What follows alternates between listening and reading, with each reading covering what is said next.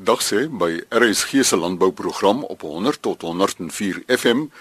Sopas kwart voor 5 en in die program wat vanoggend vanaf Elsenburg kom met Chris Viljoen die volgende watergebruikers en die verifikasieproses, die inmaak vrugte oes staan einde se kant toe, onbekende larwes op gewasse, besproeiingskoringkultivars en arbeid in die landbou.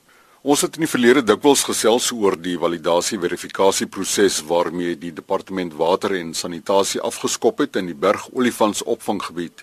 Dirl Daniels is adjunkdirekteur in die departement. Wat die departement besig is om te doen is om die verifikasie van bestaande wettige watergebruik, as ek praat van wettige watergebruik, dan praat ek van gebruik vanaf water uit 'n bron uit, dit te ondersoek en te bevestig. Ons program was gewees dat watergebruikers moet deelneem aan die proses. As jy water gebruik en jy neem water uit gebron het, wees in verbinding met ons konsultante sodat jy kan weet wat die proses om te volg. Daar is nogal watergebruikers, produsente wat nie deelgeneem het aan die proses nie. Wat baie hartseer is. Die departement kan 'n besluit neem om te sê jou water wat gebruik is nie geregistreer nie, is nie geverifieer nie. Tot en met dit nie geverifieer is, kan jy nie deelneem aan bestaande wet gebruik nie. Dit beteken jy kan jou eie besigheid dan uh, op groot risiko sit. So weer eens 'n versoek is dat as jy nog nie deelgeneem het in die proses van validasie en verifikasie nie, is dat wees in verbinding met 'n konsultante wat Oricon is. Hulle nommer is 021 526 9400. So gou as moontlik. 021 526 9400. Die ander belangrike punt is dat almal in die wetenskap weet tans dat die wetenskap gaan deur 'n periode waar ons baie minder reën ontvang van die afgelope paar jaar. As gevolg van dit beteken dat ons stoorkapasiteit in ons damme ons store wa van water in die damme is baie laag as vorige jare. Ongeag ons stoor laag is is ons die maat ons nood van en af die bron nog presies dieselfde. En 'n versoek was gedoen verlede jaar waar die departement waterbeperkings ingestel het. 20% vir ehm um, huishoudelik en 20% vir landbou. Met ons nuwe ondersoek het ons besef dat ons nog altyd uit groot disk en die waterbeperkings was 'n bietjie opgelig na 30% toe veral by landbou. Dit is uiters belangrik dat lede en ek voel nie net lede nie, mense in die wetenskap, selfs besoekers in die wetenskap water beter bespaar. Meer verantwoordelik wees teenoor ons water. Ek wil ook 'n versoek doen van die departement se kant af dat omdat ons nou in 'n periode is waar ons minder water in ons riviere het, is wel as in die damme. Gee dit nie die reg vir eienaars waar daar 'n bron is op hulle grond is. Mag dit 'n 'n riviertjie of jy um, toegang tot ehm um, oorgatwater hê, dat jy onwettige water moet gebruik nie. Jy sal nog altyd voldoen aan die riglyne van die wetgewing. So as jy 'n riviertjie het wat hier grond is, dit beteken nie jy kan sandsak in die rivier sit nie. Dis onwettig. Diddle Daniels is adjunkdirekteur in die departement water en sanitasie. Die inmaakvrugte seisoen staan einde se kant toe en oor die verloop gesels Wian Victor, hoofuitvoerende beampte van die inmaakvrugte produsente vereniging. Die inmaakvrugte bedryf het aanvanklik 'n baie goeie seisoen verwag vir die 2016-2017 jaar, maar soos wat die seisoen nou vorder, word dit 'n baie uitdagende seisoen. Die droogte het sy tol geëis en die wisselkoers plaas geweldige druk op die verwagte uitbetalings in die fabrieke asook vir die produsente. Uh die oeste was ook dan nou nie soos wat ons aanvanklik geskat het nie. Uh ons het uh by Type Pescus 'n kleiner oes ingesamel en alhoewel ons nog 'n week se voorraad of 'n week se oes bedrywighede voor het, lyk dit asof die oes net gaan uitdraai op 158 000 ton teenoor 'n geskatte oes van 172 000 ton. Dieselfde het ook gebeur met die Bonkrischen pere wat ons aanvanklik geskat het op 105000 ton wat nou in die orde grootte van 97000 ton uitdraai. Dit was net die Bolida appelkose wat ietwat groter as skatting was en daar het ons so 'n 5% meer vrugte ontvang as wat ons aanvanklik geskat het.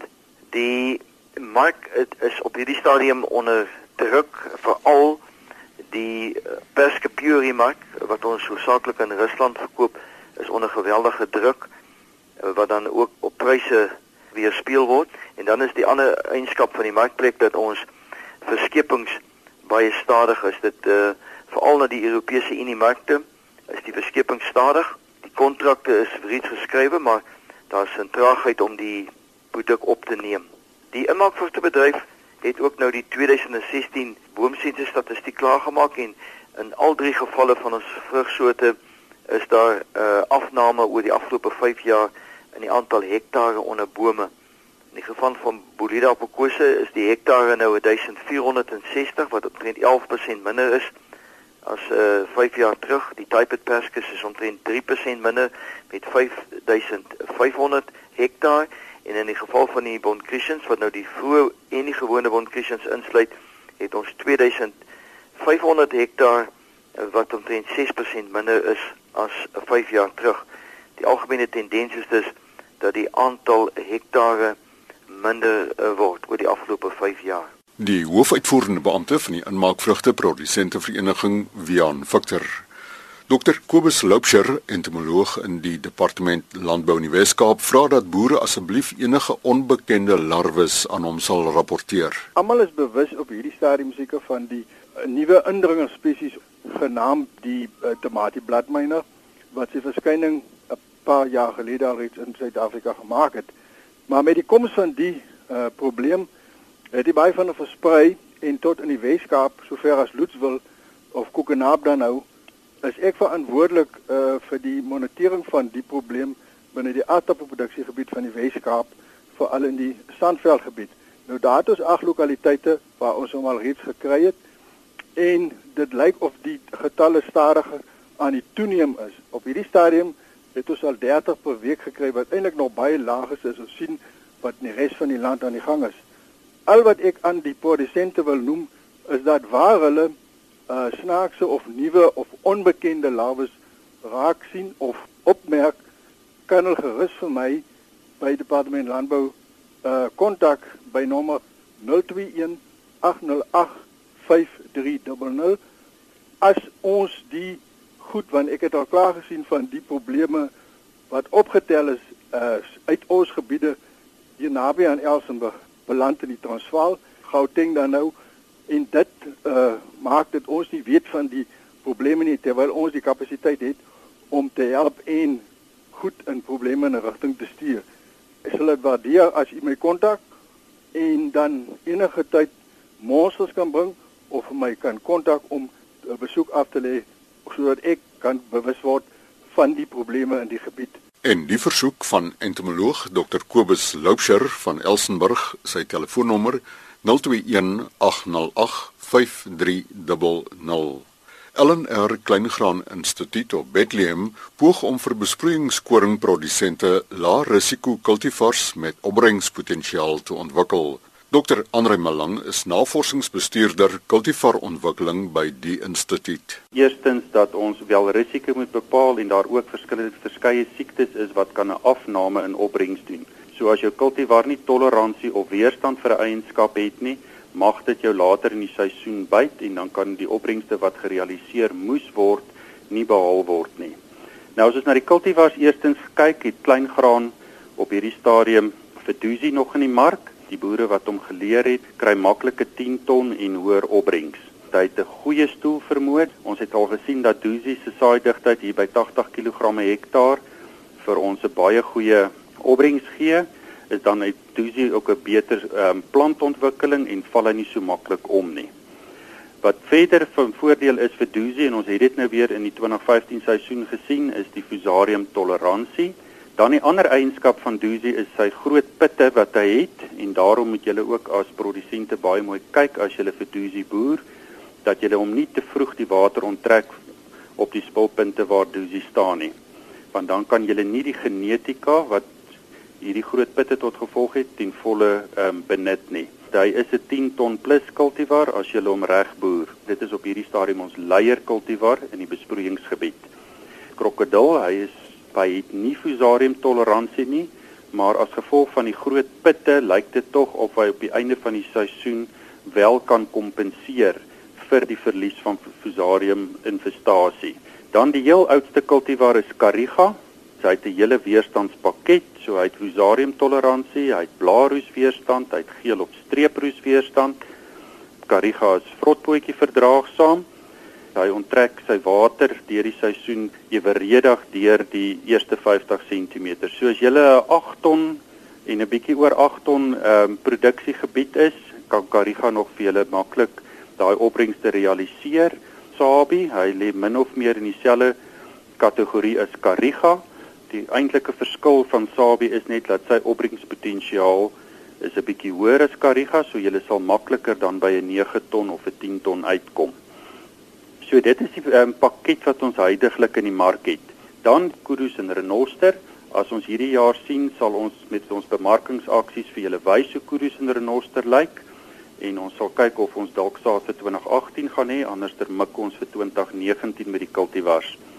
Die verskil van Kudus en Renoster is is dat hulle is kortgroei seisoen kultivars waar die vorige kultivars medium tot langgroeiers is en Renoster het boonop nog 'n kort strooi genook, so hy is 'n bietjie korter as wat ons normaalweg ken. Nou die belangrikste is seker my kontakbesonderhede. Ek gaan vir julle drie kontakte gee, my e-posadres